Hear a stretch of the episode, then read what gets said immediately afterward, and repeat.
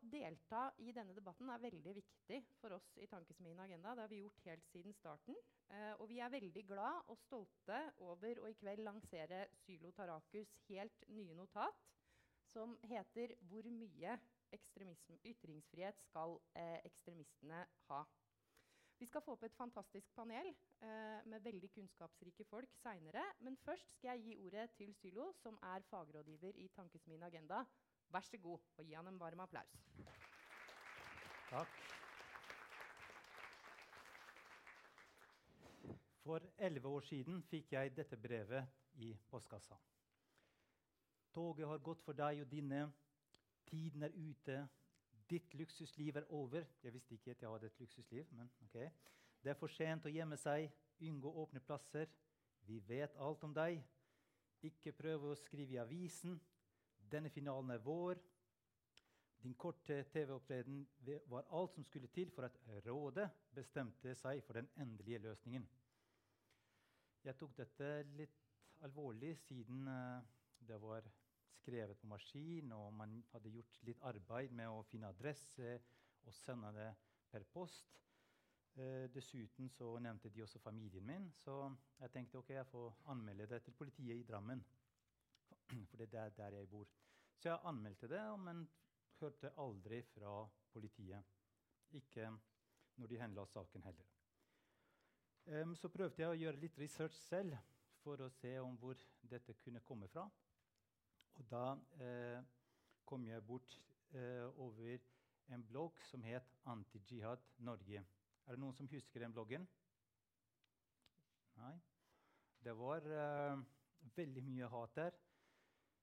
Veldig eh, mye voldsforherligelse, eh, voldsoppfordring og til og med folkemordsretorikk. Det var fantasier om folkemord på somaliere i Norge bl.a.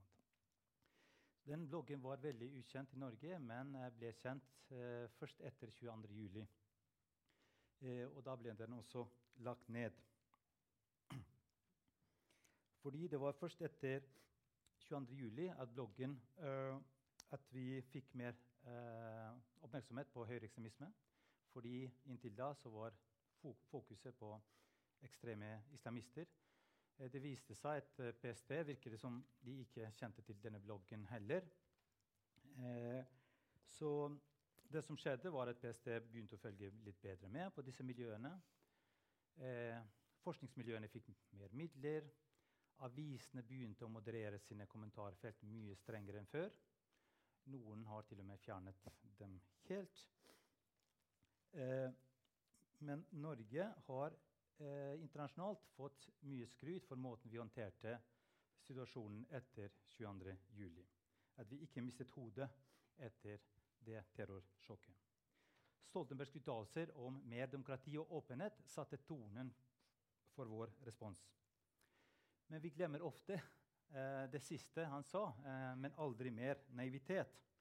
Og som samfunn har vi definitivt blitt mindre naive. Det som er typisk eh, reaksjon etter et, et land blir utsatt for terrorangrep eller opplever økt terrortrussel, er at myndighetene føler seg presset til å eh, bli tøffere.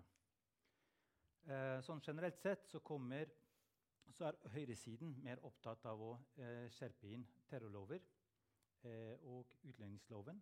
Og så gjøre det lettere å straffe ekstremister, gjøre det lettere å utvise eh, ekstremister med utenlandsk bakgrunn, eller utlendinger som ikke har lov eh, til å oppholde seg. Eh, og å gi etterretningsorganene videre fullmakter til å overvåke. Eh, for så foreslo eh, Solberg-regjeringen at man skal frata statsborgerskapet til farlige ekstremister som har dobbelt statsborgerskap, eh, men uten rettslig prøving. Det satte Stortinget foten ned. Eh, antirasistiske organisasjoner på sin side er opptatt av å eh, innskrenke ytringsfriheten for å bekjempe hatefulle ytringer, med, spesielt blant høyreekstremister, mer effektivt. Altså gi slike miljøer og grupperinger minst mulig spillerom i offentligheten. Eh, men det er sentrum eh, venstre tankesmier som har fasiten og treffer best på balansepunktet her. Jeg bare tuller. Eh, det er mange dilemmaer i møte med ekstremisme. Eh, et av dem er hvor mye eh, ytringsfrihet ekstremistene skal ha. Det er det som er hovedspørsmålet i notatet, og det er hovedspørsmålet i, i dagens uh, diskusjon her. Eh, det er følgende konkrete problemstillinger eh, som jeg drøfter i notatet. organisasjonsfriheten. Altså for, hva skal til for å forby en organisasjon? hva skal til for å forby en demonstrasjon eller en gatemarkering? Hvilke ytringer skal være straffbare, og hvilke skal vi liksom overlate til uh, offentligheten? Eh, og det siste handler om nå-plattforming. Og i hvor stor grad skal ytterliggående posisjoner slippes til i offentlig debatten. Det er vanskelig eh, å finne tydelig svar på alle situasjoner som oppstår. Men vi trenger mer reflekterte debatter eh, rundt disse spørsmålene. Eh, at vi, vi, tenker både prinsipielt, men også pragmatisk. Hvis prinsippet sier forbud, men effekten blir det motsatte av det vi håpet på, så må vi trekke oss tilbake og begynne å tenke på nytt. Debatten om ytringsfrihetens grenser er blitt veldig aktuell i den siste tiden. Eh, og det er egentlig et paradoks med tanke på at ytringsfriheten er under press og i revers i store deler av verden. Eh, så sett i lys av det så er det eh, litt rart at vi i Vesten snakker om hvordan vi skal begrense ytringsfriheten. Og selv om ekstremismen er egentlig på vei ned, så er kravet om sensur på vei opp. Det virker som de som vil stramme inn ytringsfriheten, stoler mer eller for mye på staten og for lite på offentligheten. Jeg tenker motsatt vi må være varsomme med å gi staten for vide fullmakter til å regulere våre ytringer. Eh, og vi må stole mer på vår evne til å både håndtere uenighet og å ta til motmæle mot ekstremisme. Ytringsfriheten er ikke absolutt. Det kan komme i konflikt med andre rettigheter og eh, andre hensyn. Hovedbudskapet i notatet er at ytringsfriheten er en kjerneverdi i et liberalt demokrati, og at terskelen for å forby organisasjoner, forby demonstrasjoner og, og ytringer bør være svært, svært høy. I Norge har vi en eh, våken eh, offentlighet, uh, og ekstreme holdninger er ganske marginale. Holdningsundersøkelser viser at vi blir stadig mer tolerante. men det er bare en liten minoritet som målbarer ekstreme holdninger. Men de er blitt mye mer synlige eh, takket være Internett og sosiale medier. Eh, sosiale medier har eh, revolusjonert det offentlige ordskiftet. Ekstreme grupperinger før eh, lagde sine brosjyrer og hadde sine nisjepamfletter som de spredte rundt omkring. Eh, men det var bare få som fikk se eh, altså den informasjonen og, og, det budskapet de spredte eh, tidligere. For det det var også mer ressurskrevende å lage sånne pamfletter og, og brosjyrer og aviser. Men i dag er det billig å lage blogger. Eh, det er veldig lett å spre artikler eh, via sosiale medier.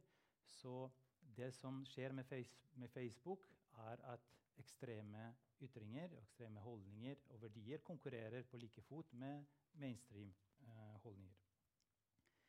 Eh, så det positive med sosiale medier er at eh, det har det har demokratisert eh, debatten.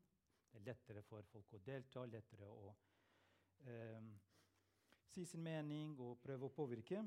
Så den er blitt mer eh, egalitær. Eh, men samtidig så har eh, sosiale medier også gitt eh, ekstremister flere muligheter. Det jeg tenker er verst med sosiale medier, er at uh, den flokkmentaliteten eh, og uh, at det kan fungere som gapestokk. At, at, folk kan gå sammen i å hetse samfunnsdebattanter og politikere, f.eks. Jeg og En annen praksis som også er veldig irriterende, er at du skriver noe i en Facebook-tråd, og så tas det du skriver, ut av kontekst, og du blir hengt ut i en annen tråd. Det har jeg opplevd flere ganger. Eh, I dag får jeg ikke ha et brev i postkassen, eh, men meldinger på Messenger eh, med beskjed om å reise hjem igjen. Eh, pluss stemplinger eh, som det ene og det andre eh, på, på, Facebook. Og Nesten hver gang jeg skriver noe om islam, så får jeg høre at jeg er en islamist og, og fiende av Norge. Her er et eksempel. Um, sånne ting tåler jeg. Det er ikke, det er ikke så farlig. Men, um, men, de må begynne bare å lære å stave navnet mitt riktig. da. Jeg heter ikke Tulo Sarako. uh, men det er eh, mange der ute som, uh, som er mer sårbare i møte med, med massiv uh, hets eh, i sosiale medier, som ikke har det nettverket, den tryggheten som, som, jeg har. og derfor er, er sånt alvorlig. Så hvis det er ett punkt vi skal bli tøffere på når det gjelder ytringer, så er det eh, netthetsen som politikere og samfunnsdebattanter eh, blir utsatt for eh, på nettet og sosiale medier. Ikke for å begrense ytringsfriheten, men for å utvide den. For å hindre at moderate stemmer skremmes bort fra eh, debatten, og for å hindre at de overlater arenaen til eh, utekrefter som vil polarisere. Takk for oppmerksomheten.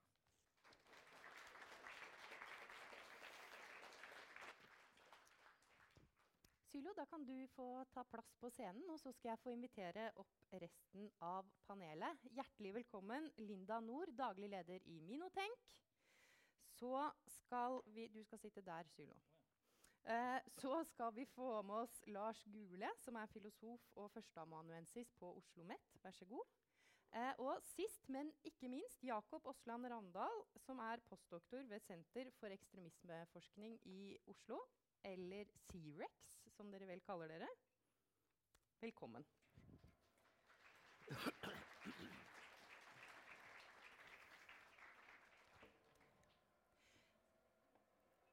Tenkte at vi skulle begynne litt med å definere vår egen virkelighet.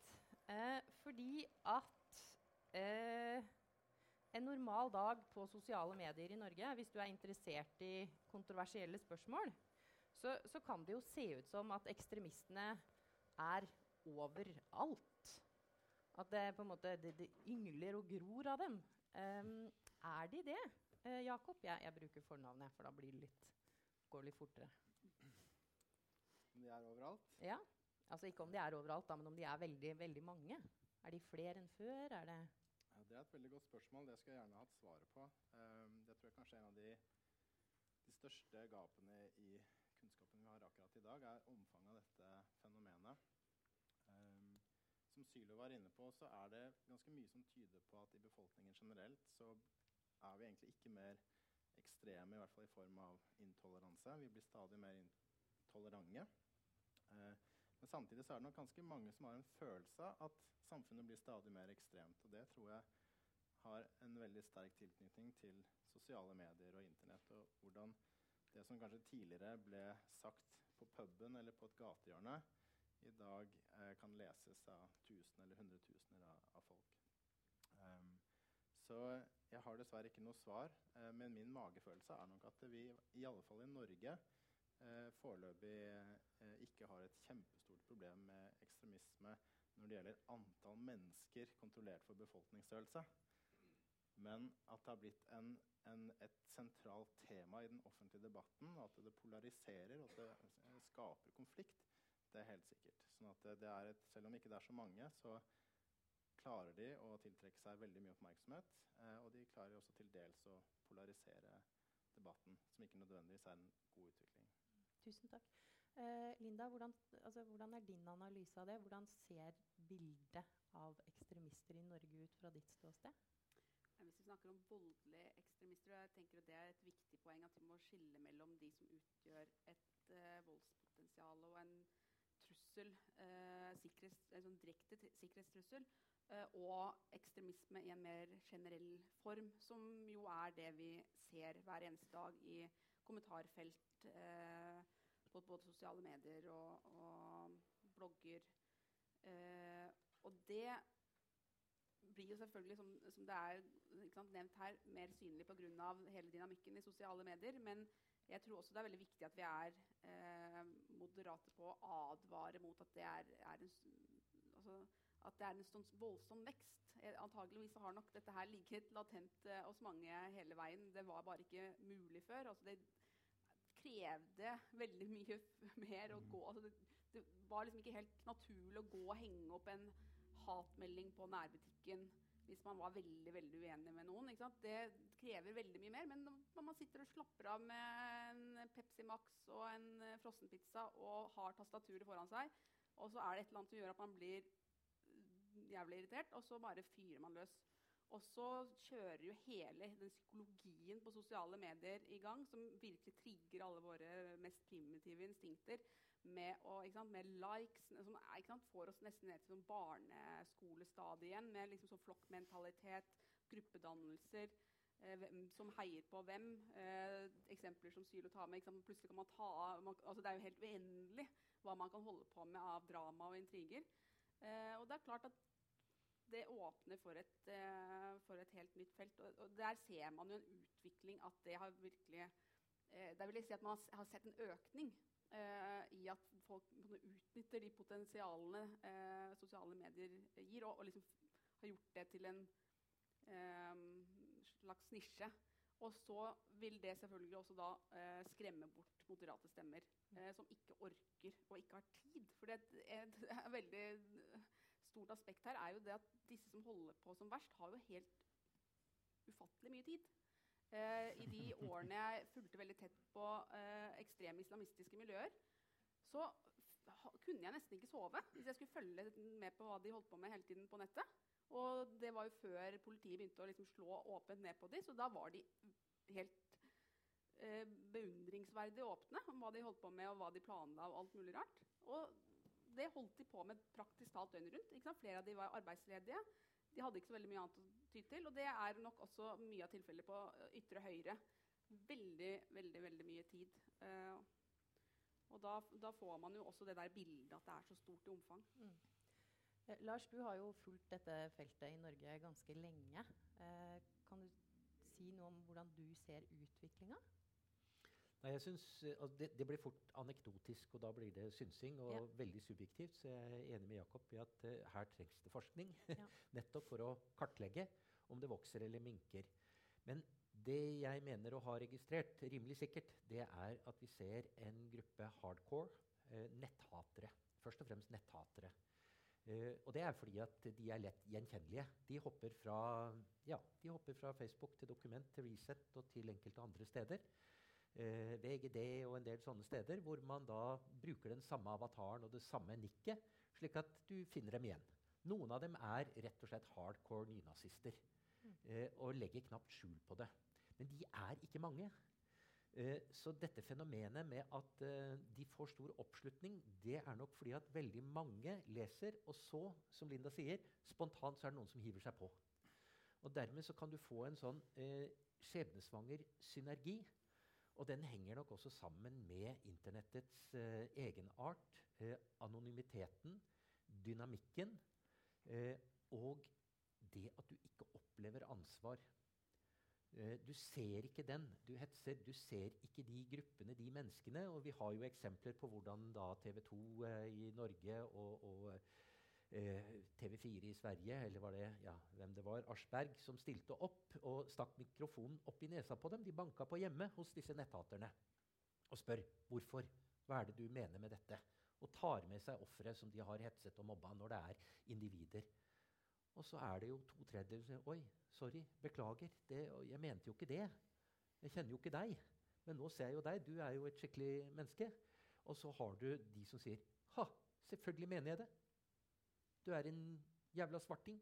Du har ikke noe her å gjøre. Kom deg ut. Jeg står for akkurat det jeg sier. Men det er altså mindretallet. Ja. Så her er det noe med, med også psykologien i teknologien som vi trenger å eh, lære mer om.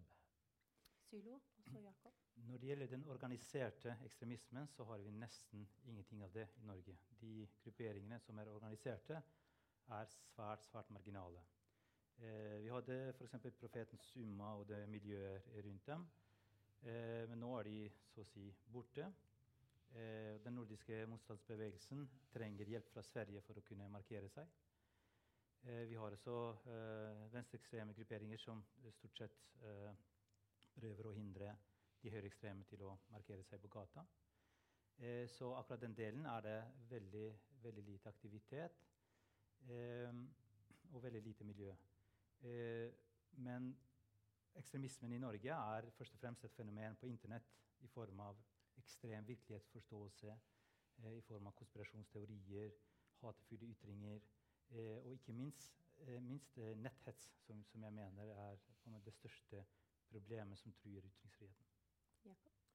Jeg hadde egentlig bare lyst til å understreke to poeng som jeg synes er veldig gode både fra Linda og Lars, uh, som jeg tror er viktige. Det ene uh, som Linda var inne på, det var dette med at uh, det er ikke sikkert at omfanget har økt i seg selv, for det har ligget der latent. Det, for det, det, jeg var inne på, var at folk kanskje snakket på puben tidligere. Mm. Men det var nok også ganske mange som bare ikke orket å ta den byrden det er å snakke i det hele tatt. Men i dag så er den byrden så utrolig mye lavere. Så det latente potensialet har kommet mye tydeligere til syne. Og sånn sett så kan vi snakke om en, om ikke en eh, substansiell økning i form av at mengden eh, holdninger har økt, så er måten de kommer til syne på, økt. da. Flere gir uttrykk for det steder hvor andre får se det? For, der man tidligere kanskje bare holdt kjeft. Eh, og, og, Lars sitt poeng når det gjelder disse her som ble konfrontert med mikrofon, det fikk meg også til å tenke på en, en kompliserende faktor når vi prøver å forstå omfanget av dette her, som har å gjøre med, med internettkulturen og trolling. Eh, og særlig f.eks. det man gjerne omtaler som den såkalte alt-right-bevegelsen, eh, som, som, er i ferd med å med, Eller som har vært i vekst en periode nå. Hvor det er veldig vanskelig å vite hva som er de bakenforliggende motivasjonene for veldig mange av disse menneskene. Veldig mange av de eh, kan se ut til å være minst like opptatt av å, av å kødde eh, og få seg en god latter, enn at de egentlig tror på de veldig sjokkerende politiske holdningene de fremmer. Det skumle er at vi også ser eksempler på folk som begynte der og ender opp et helt annet sted. Og det er noe vi også så på 90-tallet med skinhead-kulturen, hvor man begynte å, å, gå med rett og slett hakekors for, sjok, for, den sjokkerende effekten, ikke fordi man nødvendigvis støttet opp under uh, den ideologien. Og så beveget man seg sakte, men sikkert over i en mer politisk dreining. Eh, men dette, bare, dette, gjør det enda vanskeligere å forstå omfanget. Og det, det, er en del av en også skjebnesvanger dynamikk fordi de sjokkerer. Og det er jo fordi at folk tror de er nazister. Og så tilskrives de en identitet som nazister, og plutselig så er de blitt det. På samme måte profetens Omma-miljøet har blitt folkefiende nummer én takket være store oppslag i mediene og PST-uttalelser osv. Så, videre, så er en liten fillegjeng med dårlige kompiser. Eh, og så har vi skapt en folkefiende av et uorganisert, heterogent, kranglete miljø. Eh, så den skjebnesvangre dynamikken der mellom mediers ja, forståelige hang til sensasjoner og fokusere på noe som er nyhetsverdig For det er nyhetsverdig når noen kommer med eh, hatefulle ytringer, eh, gir til, til kjenne at de støtter den islamske stat og halshogginger og slaveri osv. Selvfølgelig er det nyhetsverdig. Men samtidig så, så, så, gjør vi dem til mer enn det de er. Og det er også noe av problemet. For dermed så gjør vi dem farligere, og så oppfatter vi den som en trussel. Og så må vi ta det på alvor. Og så kommer kravene om innskrenkinger av både det ene og det andre, enten det er organisasjonsfrihet eller ytringsfrihet. Jeg har ikke noe fasitsvar her, for det fins rett og slett ikke. For vi må dekke dette som viktige nyheter, og samtidig så må vi ha is i magen, slik at vi ikke overdriver trusselen. Mm. Eh, jeg tenkte vi skulle bevege oss litt mer over på nettopp det du trekker opp. altså De, de, de prinsipielle eh, spørsmåla og hvordan vi skal forholde oss som samfunn til de, de dilemmaene som oppstår i møte med ekstremismen. Da tenkte jeg vi skulle gå gjennom rett og slett noen av de spørsmåla som du har i, uh, tar opp i notatet ditt, Sylo. Uh, og, og, det ene er f.eks. Altså det med å forby organisasjoner. Det kommer opp uh, som, som, noe folk foreslår.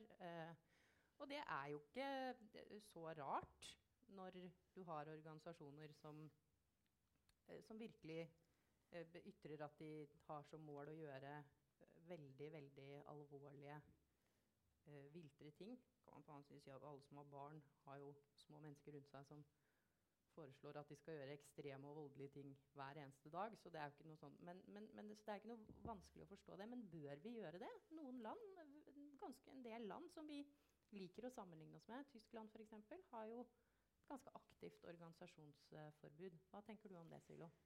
Ja, Tyskland eh, har det. De har veldig lav terskel eh, i lovgivningen og i praksisen med å forby organisasjoner. Eh, så må vi, spørre oss om det virker. Tyskland også, det landet, blant de landene som har eh, størst problem med høyreekstremisme. i hvert fall. Eh, det er jo veldig vanskelig å håndheve slike forbud. Eh, hva skal være kriteriet for å forby en organisasjon? Skal det være ideologi? Skal da politiet vurdere ideologien til en organisasjon og si at dette er en skummel ideologi, så derfor skal vi eh, prøve å få denne organisasjonen oppløst? Eh, da kommer vi plutselig i veldig store diskusjoner om eh, den ideologien sammenlignet med andre tillatte organisasjoners ideologi. Og da får disse organisasjonene plutselig mye oppmerksomhet. Og hvis retten sier da nei, men det, man kan ikke forby dem, så blir de plutselig eh, for, eh, de blir eh, hvordan skal jeg si, renvasket. da. Dette er en legitim organisasjon fordi retten sa at de kan, ikke kan forbys. Eh, og så, Det virker ikke, og det blir veldig vanskelig å, å håndheve. Det man må gjøre isteden, er å gå konkret på handlingene. Eh, F.eks. profeten Summa. Eh, jeg mener at man må, måtte ta dem veldig på alvor. Eh, var, de, de, rekrutterte også jihadister og sendte jihadister til, til, Midtøsten. Nå kan man si gjorde de det som organisasjon, eller enkeltmedlemmer, eh, om enkeltmedlemmer gjorde det. Men frontfiguren ble jo dømt for å ha rekruttert eh, jihadister, så da er det veldig alvorlig. Men da straffet man dem for konkrete handlinger. Eh, og de har opphørt, opphørt, å eksistere uten at man har forbudt dem som organisasjon. Hadde man gjort det, så hadde bare de gått under jorda eller uh, fortsatt å eksistere slik. Det eksisterer ekstreme organisasjoner i Tyskland til tross for forbudet. Jeg, jeg, jeg, på, jeg skal slippe til alle, men Jakob, eh, hva, altså, hva, vet vi på en måte om effekten av organisasjonsforbud? Virker det som man vil? Det er veldig mange gode spørsmål som jeg dessverre ikke har nødvendigvis forskningsbaserte svar på. For dette er igjen et litt sånn understudert felt. Men Tyskland er en åpenbar case. Samtidig så er Tyskland et land som er så særegent på veldig mange måter. Både historisk, hvordan det er organisert politisk osv. Og, og med også den veldig nyere historien med øst og vest. sånn det er et land vi må være litt forsiktige med å sammenligne oss med. Eh, så effekt av forbud det, så, så langt jeg vet, så har vi i hvert fall ikke noen studier som systematisk har sett på det innen dagens kontekst. Så, men mer sånn generelt så tenker jeg det er liksom to, to ting eh, To potensielle problemer da, med å forby organisasjoner. Altså, vi, vi, forbyr jo organisasjoner som gjør noe gærent. Altså Kriminelle organisasjoner er ikke lov. Så Hvis du driver med vold, hvis du driver med trusler osv., så, videre, så kan du bruke det gjeldende lovverket for å forby dem. Så her snakker vi om å eventuelt forby en organisasjon pga. en idé. Eh, og selv om det kan være en organisasjon hvor det er en stor del av befolkningen som er grunnleggende uenig i ideene som fremmes, eh, og selv om de ideene i seg selv er svært samfunnsfiendtlige eh, og kan oppfattes som en trussel mot, mot demokratiet, så er det, der er det en prinsippsak om at idet du åpner for én, så, så, har du åpnet en dør på gløtt og Da blir spørsmålet ok, men hvilke ideer er det som skal være forbudt? Hvem skal bestemme hvilke ideer som skal være forbudt? Har det noe å si hvem som i, har makta til enhver tid og, i forhold til hvilke ideer som er forbudt? Og Det er en veldig sånn slippery slope eh, som man skal være forsiktig med. Og Det andre er selvfølgelig effekten. Eh, vi har ikke gode studier på det, men det er i hvert fall mye anekdotiske bevis som antyder det at eh, hvis målet ditt er at ideene som forfektes av denne gruppa, skal bekjempes, så er ikke nødvendigvis et forbud noe som tjener den saken. For det de får, som Sylo var inne på, mer oppmerksomhet. Og det er som å si til et barn du kan leke med alle de lekene, men ikke den leken. Da vet du på en måte hva som skjer. Mm. Lars? Eh, Eksempelet fra Storbritannia er forbudet eh, mot eh, al-Muhajirun, eh, som da ganske fort ble etterfulgt av eh, nye grupper. Noen sier at det er den samme organisasjonen, de bare skifta navn. Det er nok ikke helt sant, men Anjum Chaudhry, eh, som også ble talsperson for Den islamske stat, eh, og som i 2016 ble dømt for oppfordring til å slutte seg til Den islamske stat, eh, har åpenbart vært en sentral eh, person i dette. Eh, Britene har med andre ord mulighet til å forby organisasjoner. Og de har brukt dette. De har også forbudt en og annen på høyresida, eh, men det er islamistiske grupper de har eh, fokusert på. Det synes ikke å virke. Eh, og heller ikke i Norge forbyr vi kriminelle organisasjoner. Det er ganske interessant. Eh, Hells Angels, Bandidos, grupperinger som er notorisk kjent og i politiets søkelys for omfattende og voldelig kri eh, kriminalitet. Jeg minner om bomba i Drammen som drepte et menneske for en del år tilbake. Organisasjonen er likevel ikke forbudt. Selv om dette var et oppgjør mellom eh, to, eh, disse to gjengene, eh, og en sivilist imellom blir faktisk drept. Organisasjonsfriheten står sterkt. Den er faktisk i ferd med å svekkes litt i Norge, nettopp gjennom deltakelse i terrororganisasjon. Det kan man i dag dømmes for. Og Sånn sett så kan du si at en terrororganisasjon må derfor være forbudt. Eller altså, ja, nå kan ikke vi forby IS nede i Syria, men vi kan altså straffe de som har vært deltakere der. Og så sier man Sverige har funnet ut at det kan de ikke gjøre. Og grunnen er, er altså, Svenskene, og dere har sikkert sett Magnus Ranstorp, eh, svenske eh, terrorismeforskeren, snakke om dette. Vi mangler lover slik de har i Norge. Ja, sier den svenske regjeringen, nå må vi også få det. Og så la de nylig fram et forslag, og bare for noen dager siden så ble dette avvist av Lagrådet i Sverige. Som i strid med Grunnloven, som verner organisasjonsfriheten. Og Det syns jeg er ganske interessant, og jeg synes det er ganske viktig at, at svenske jurister har inntatt det prinsipielle standpunktet. Jeg tror, og der er jeg enig med Sylo, vi må fokusere på mer konkrete handlinger. Og da er vi på individnivå og ikke på organisasjons- og ideologinivå. Linda? Også Sylo. Det jeg ønsker at vi skal ha som mantra her, er jo at utgangspunktet er et liberalt demokrati som vi har i Norge, eh, og et veldig tillitsbasert, fredelig samfunn. Det er det som er idealet vårt. Det er det vi i stor grad har, og det er det vi ønsker å bevare. Og ekstremister eh, på ulike fløyer ønsker ofte å destabilisere det samfunnet vi har. Og svekke indre samhold, skape polarisering, skape frykt. Eh, hvis man f.eks. går til drastiske tiltak som å forby, så lar man også ekstremistene eh, vinne litt, mener jeg. Og det tenker jeg er at så lenge, altså Vi må ha som et ideal at vi skal unngå å komme dit hvor man må begynne å forby. For jeg skjønner hvorfor man har gjort det i Tyskland. Jeg skjønner også hvorfor man har begynt å måtte ta sånne grep i, i Storbritannia. Fordi det er i Storbritannia situasjoner og, og, et omfang som er langt utenfor statens kontroll.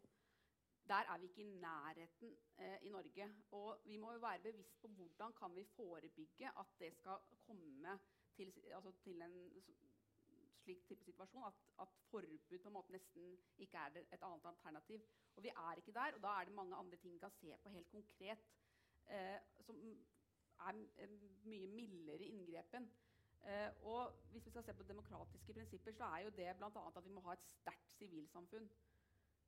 Og vi, snakker, vi har snakka mye om dette her med at vi skal ta til motmæle mot ekstremistene, og særlig på nett. og Det har vært masse sånne flotte ord om det. Men i virkeligheten så er jo ikke det så lett. Og i virkeligheten er, det ikke så mange som faktisk orker å gjøre det. Og det er ikke godt nok organisert, eh, den type å ta til motmæle. Det har begynt å bli litt mer bevissthet om det, eh, om det nå, men det er fortsatt? Eh, teknologien utvikler seg. De som ut, utnytter teknologien til å spre ekstrem propaganda, blir også stadig flinkere. Og Da må man liksom følge hele tiden etter. og Der føler jeg at det norske samfunnet har vært ganske trege på å liksom henge i den utviklingen, og at dessverre også eh, tradisjonelle medier har vært for, altfor altså De har kasta seg veldig på eh, når vi har fått noen eh, som har eh, utnyttet denne sensor, altså den muligheten til å få oppmerksomhet ved å være så rabiat som mulig det er jo et, egentlig en, en, tendens i samfunnet generelt. Altså jeg kalte det litt sånn sleivete Paradise Hotel-generasjonen. Altså vi, vi, har eh, en kultur for at hvis man gjør drøye nok ting, så får man oppmerksomhet. Selvfølgelig har det en smitteeffekt rent psykologisk.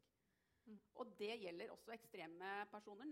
Det er helt naturlig. Og, og det som, eh, som, var veldig trist med f.eks. profetens Oma, var det at når de fikk så mye mediedekning, og ofte eh, en helt merkverdig eh, eksklusivitet, f.eks. at Obaidullah fikk et 43 minutters langt intervju med VGTV det er nesten bare forbeholdt Nobels fredsprisvinnere eller eh, statsoverhoder. Altså det er veldig veldig eksklusivt. Uten noe som helst avbrekk av f.eks. Eh, stemmer som Lars Gule, av imamer som taler Sånn, han imot. Ja, eller, eller deg. ja. altså, altså, det, kunne, altså, det, ble brukt faktisk av profet Soma som en propagandavideo. De delte den selv. Hadde det vært motstemme inne, så hadde de antageligvis ikke delt den selv. I hvert fall ikke sånn helt i sin helhet. Og jeg så med egne øyne hvordan lederskikkelsen i profetens Umma en slags kjendisstatus og da dermed oppmerksomhet når de f.eks. kom på Palestina-demonstrasjoner, på fotballturneringer på Oslos østkant. Det at de hadde fått den kjendisstatusen, gjorde at unge mennesker flokka seg rundt dem og ble nysgjerrig. Det samme som også alle andre som får en eller annen form for kjendisstatus får. Det er jo et, sant, alt dette med influensere, og dette her er jo da ekstreme influencers som samfunnet faktisk er med på en helt vanvittig måte og bygger opp, og da spesielt mediene. Eller ekstremvarianten, som er den vestlige kulturens dyrking av eh, seriemordere. Altså det er ingenting som du, det er mer av Som, ja, det av er, ekstremtilfeller i eh, kulturuttrykkene. ja, det, er, det er, er, jo et fenomen. Og det samme også ser vi eh, også på en lysglimt. Han er jo én person, men han får vanvittig mye oppmerksomhet. Og da fortsetter han å finne på det ene rare stuntet etter det andre. Og han fortsetter å få veldig veldig mye oppmerksomhet. Donald Trump også. Og Donald Trump har klart å bli verdens mektigste med den metoden. Sylo? Ja, nei, altså Det er vanskelig å instruere media om hvordan de skal forholde seg til, til ekstremister. Eh, men, eh, men, jeg er enig med, med Linda. Når, når, man intervjuer dem, eh, så bør man i hvert fall eh, være kompetent og, og, stille de gode spørsmålene og utfordre den, det narrativet. Og det tenker jeg VG var ikke så flinke med Ubaydullah Hussein. Og så må man unngå at den videoen ikke blir en propagandavirkemiddel eh, for dem. Den tror jeg ble delt eh, eh mer enn 100 000 ganger. Ja, bare på et døgn ble den delt I utlandet og sånn, så de brukte det som propaganda. Eh, så av, av, kritiske spørsmål han fikk, var ja, halshugging. Er ikke det eh, tortur? Altså, nei da, det er ikke tortur fordi man dør veldig fort. Eh, så Eh, og så var det Brennpunkt-dokumentar om den nordiske motstandsbevegelsen, som også var bra, veldig bra folkeopplysning, men som også kunne brukes som propaganda. Eh, fordi man tenker at ja, men publikum da er eh, de, de, de vet hvor avskyelig eh, ideologien er. Og så lager man separate oppfølgingssaker etterpå med eksperter som forklarer og analyserer. og sånt. Eh, men det er ikke godt nok, eh, tenker jeg. Altså, da bør man både prøve å gjøre noe med at, at de ikke blir umotsagt når man først intervjuer dem. Og at man kanskje også ikke gir dem uforholdsmessig stor oppmerksomhet mm. med tanke på hvor marginale de er. Vi kunne diskutert bare dette helt til dette møtet er slutt, men jeg skal dra oss eh, litt videre. Jeg vil at vi skal innom en annen sånn praktikalitet, på en måte, men som også er et prinsipielt spørsmål, som handler om, og som, som, kommer opp oftere i Norge. og Det handler om altså, hvordan skal man få, få bruke forsamlingsfriheten sin. Eh, når er, det, altså, når er det greit å forby en demonstrasjon? Eh, I hvilken grad skal ekstremister få være ute i, i, det offentlige rommet? Da kan vi begynne med deg, Lars. Man skal ikke forby demonstrasjoner. Eh, og heldigvis er det slik at eh, i dag søker man ikke lenger om tillatelse. Man melder fra om at nå skal vi gjennomføre en demonstrasjon. Hvis man søker og skal ha godkjenning, så innebærer det i realiteten forhåndssensur. Og sensur det er det staten driver med når den regulerer eller nekter noen å ytre seg, få noe på trykk eller gjennomføre en, eh, en demonstrasjon. Det betyr ikke at det er fritt fram. Fordi det som skjer under en demonstrasjon, det som blir sagt under en demonstrasjon, det som står på løpesedler som Sian deler ut under en demonstrasjon, det kan man faktisk da bruke som dokumentasjon på at nå har de begått en straffbar handling. Nå har de hatt en forsamling her, og dermed har de latt tilflyte offentligheten ytringer som er straffbare. Slik at jeg sier politi, la også den nordiske motstandsbevegelsen, så sant det ikke er helt praktiske grunner altså To grupperinger kan ikke demonstrere på Eidsvolls plass på samme tid. Da kan politiet si at ok, dere får finne et annet sted eller et annet tidspunkt. Den typen practicalities, logistikk, kan man ordne med. Men ellers skal politiet legge til rette og ikke gripe inn på forhånd, fordi de kan komme til å si noe som vi ikke liker. Det er det som er det problematiske. Man dokumenterer det som skjer, og så får man eventuelt sette inn straffeforfølgingssporet når noe galt har skjedd. Takk skal du ha. Sylo? Og så. Er ikke helt enig i at to grupperinger ikke kan demonstrere samtidig. For det som er bra med å tillate sånne demonstrasjoner fra ekstremister, er motdemonstrasjoner som eh, organiseres, spesielt når de er ikke-voldelige. Eh, for da, eh, de motdemonstrasjonene er ofte større eh, og viser at ekstremistene er veldig få. Eh, og, og, ødelegger hele den eh, appellen for, for dem. så da gir man også muligheten til det sivile samfunnet å ta til motmæle, som vi, vi, snakker om, og vise at vi snur ryggen til ekstremisme.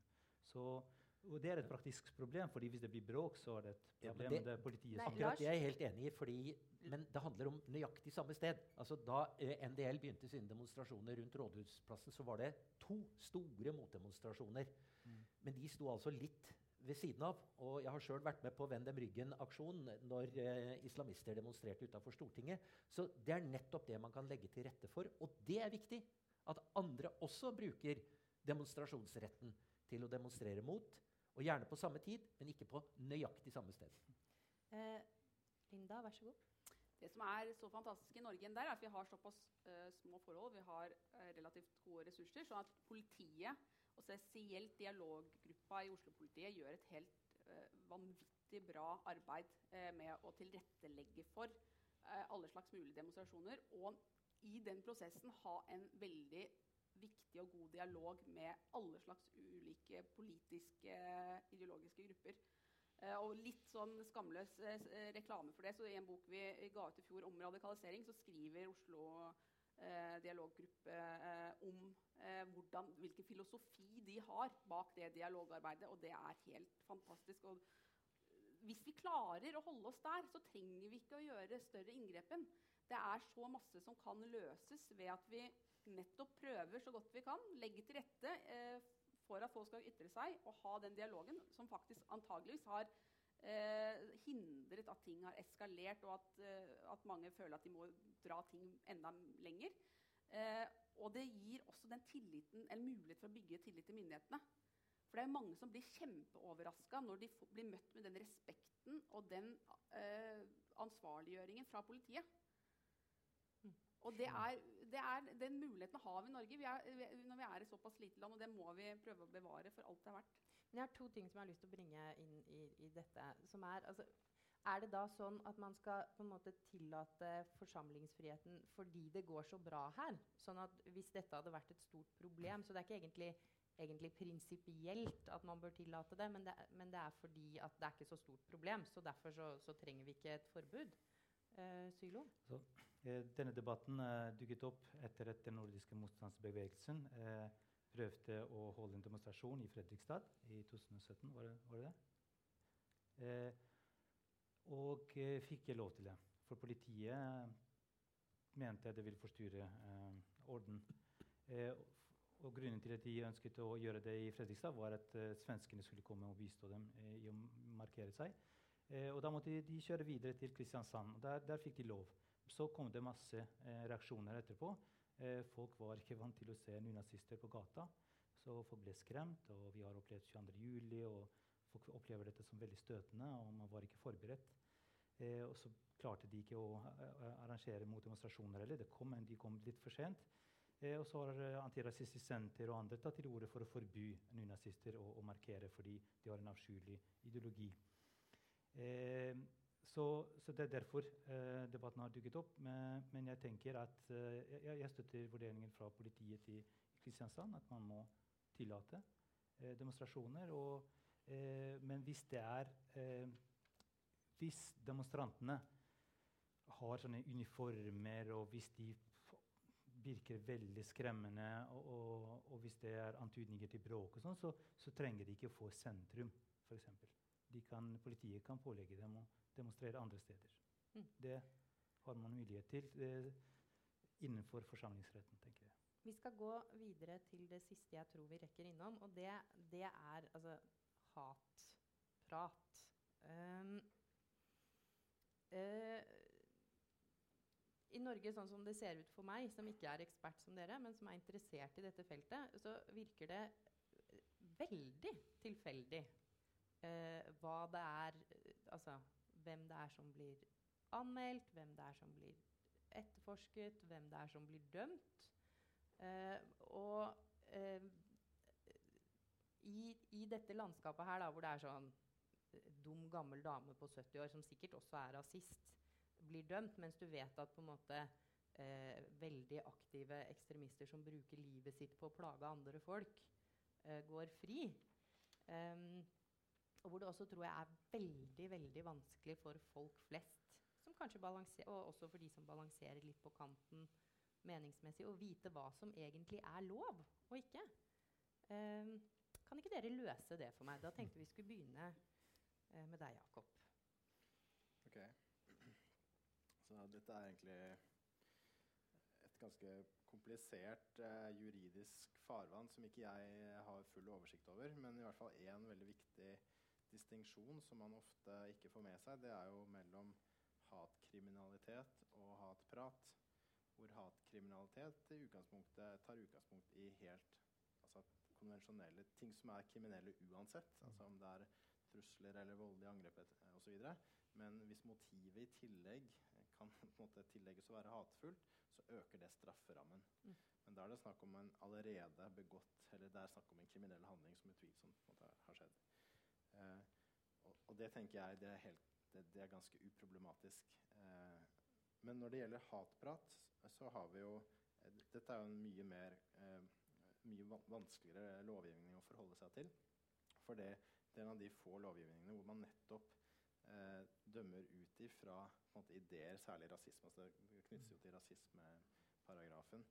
Eh, og det er vanskelige tolkninger i forhold til hvorvidt den en rasistisk mening er egnet for å tilflyte et visst antall i, i offentligheten osv., som i den spesifikke norske lovgivningen. Og så har du litt ulike varianter i f.eks. i de skandinaviske landene. Eh, I Sverige har du det såkalte hets mot folkegrupp, så, som faller i mye av den samme problematikken. Og i hvert fall det jeg har sett litt i min forskning, er at eh, denne lovgivningen blir, som du var inne på, brukt veldig eh, tilfeldig. Eh, og ofte f.eks. med medlemmer av motstandsbevegelsen så blir den brukt eh, for å fengsle dem i, i, korte perioder for ting som egentlig er altså, De er ille, men de er i hvert fall i deres øyne ganske trivielle. Og de er ikke rettet mot noen spesielle.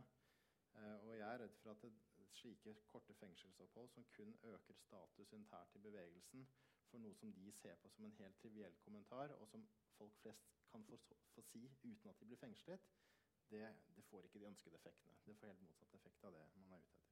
Mm, der fikk vi jo et uh, veldig nyttig skille mellom hatkriminalitet og hatprat. Men uh, skal ta med oss det videre. Ja, Det er et viktig skille, men det er jo på mange måter, og det var der vi begynte, med omfanget av hatprat på nettet. Uh, og, og, det er et problem at det er noe vilkårlig, ser det ut til, hvordan dette straffeforfølges. Her er praksis så å si varierende fra politikammer til politikammer og politijurist til politijurist. Eh, så her er det store utfordringer. Eh, dette handler om den gamle såkalte rasismeparagrafen, som, eh, nå har fått, som, som, har fått en viss utvidelse i løpet av de siste årene, og, og da har en litt annerledes form i den nye straffeloven fra 2005. Men det er diskriminerende, nedsettende, hatefulle ytringer, altså det som ytringer som har karakter av å utsette noen for hat og ringakt, som det het i gamle dager, det er det som i prinsippet er straffbart. Det er det så mye av at det er umulig å straffeforfølge alt sammen. Da hadde ikke politiet hatt noe annet å gjøre. Så det betyr at politiet må prioritere. Og Den prioriteringen synes å være lemfeldig. Og det gjør at det er lettest å ta det når du har noen som sier 'jævla nigger' og spytter etter noen. For da har du en da har du en personkrenkelse i tillegg til ytringen. Og da har du funnet motivet. ikke sant? Det er den rasistiske ytringen. Og da er det selve forbrytelsen å spytte eller slå eller dytte. Det er det du straffes for. Det er få, om noen i det hele tatt, som får fengsel. I Norge så er det, det er altså eh, betinget fengsel. Eh, 14 dager, tre uker maks. Så er det 15 000 eh, i, eh, i bot. Det kan svi nok, det. Problemet er at så langt så blir dette klassejus. Det er nettopp de som opptrer mest vulgært, som straffes. Det er de man kan ta tak i. For det er så opplagt at bruker du skjellsord, bruker du rasistiske eh, uttrykk, da har vi deg. Hvis du skriver en bok på 600 sider, kaller den 'selvmordsparadigme' og putter på en masse fotnoter og forteller at negere er dummere enn hvite, da får du støtte fra Fritt Ord. Mm. Tusen takk. Altså, Sylo. Dette er så omfattende at det kan ikke løses av politiet. Men, men vi har jo allikevel en lov, lovgivning, og både politi og, og påtalemakt spiller en rolle. Hva bør de gjøre for å, for å være, gjøre en bedre jobb enn det som gjøres i dag? Jeg uh, drøfter dette i, i, notatet og spør hva, hva, hva skal vi med den paragrafen. Eh, konkluderer med at vi eh, bør beholde den, eh, men da må vi bruke den eh, i hvert fall mer konsekvent. Veldig varsomt. veldig, veldig varsomt. Eh, ikke bli overivrig, men også mer konsekvent. Fordi samfunnet ønsker å sende en grense. Den er symbolsk. Du, du, du stopper ikke hat med å straffe folk for det. Eh, men den er symbolsk. Man, klarer, man, setter en grense. Dette er ikke greit. Men problemet er når man tolker det og anvender det så inkonsekvent, så eh, har det motsatt effekt. Jeg leste i Dagbladet eh, overskriften eh, 'Fuck jøder' er ikke en hatefull ytring. Fordi den ble anmeldt. Kaveh, en rapper, sa det foran en scene. Eh, og eh, han ble anmeldt av eh, Ervin Kohn fra Antirasistisk Senter. Politiet mente at det var så innenfor ytringsfriheten og ikke nærheten av å være hatefull ytring at de henla saken. Man prøvde ikke for retten engang. Eh, så den ble jo henlagt. Eh, og da fikk eh, publikum liksom beskjed om at dette er liksom greit. Mens en som sa bare nevnte ordet 'nigger' i, i, i, Bergen, uten at det var noen mørkhudede til, til stede han, han, var, han, var, full under VM, sykkel-VM der. Han, han ble straffet. Eh, og da må man liksom måle skadeeffekten.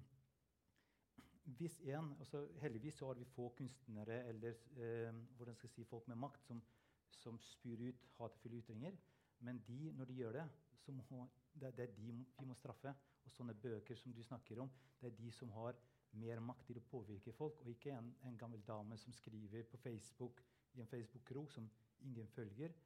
Eh, det er mer sånne mektige mennesker som kan påvirke. Mm, og spesielt de som, de som hetser samfunnsdebattanter, de må også vi slå hardt ned på. Mm. Så her må man gjøre prioritering og ikke gjøre vondt verre.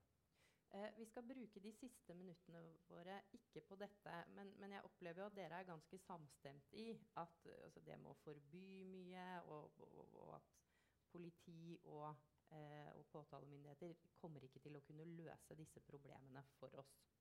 Eh, men hva skal vi gjøre da? Og ikke minst, hvem skal gjøre det? Linda?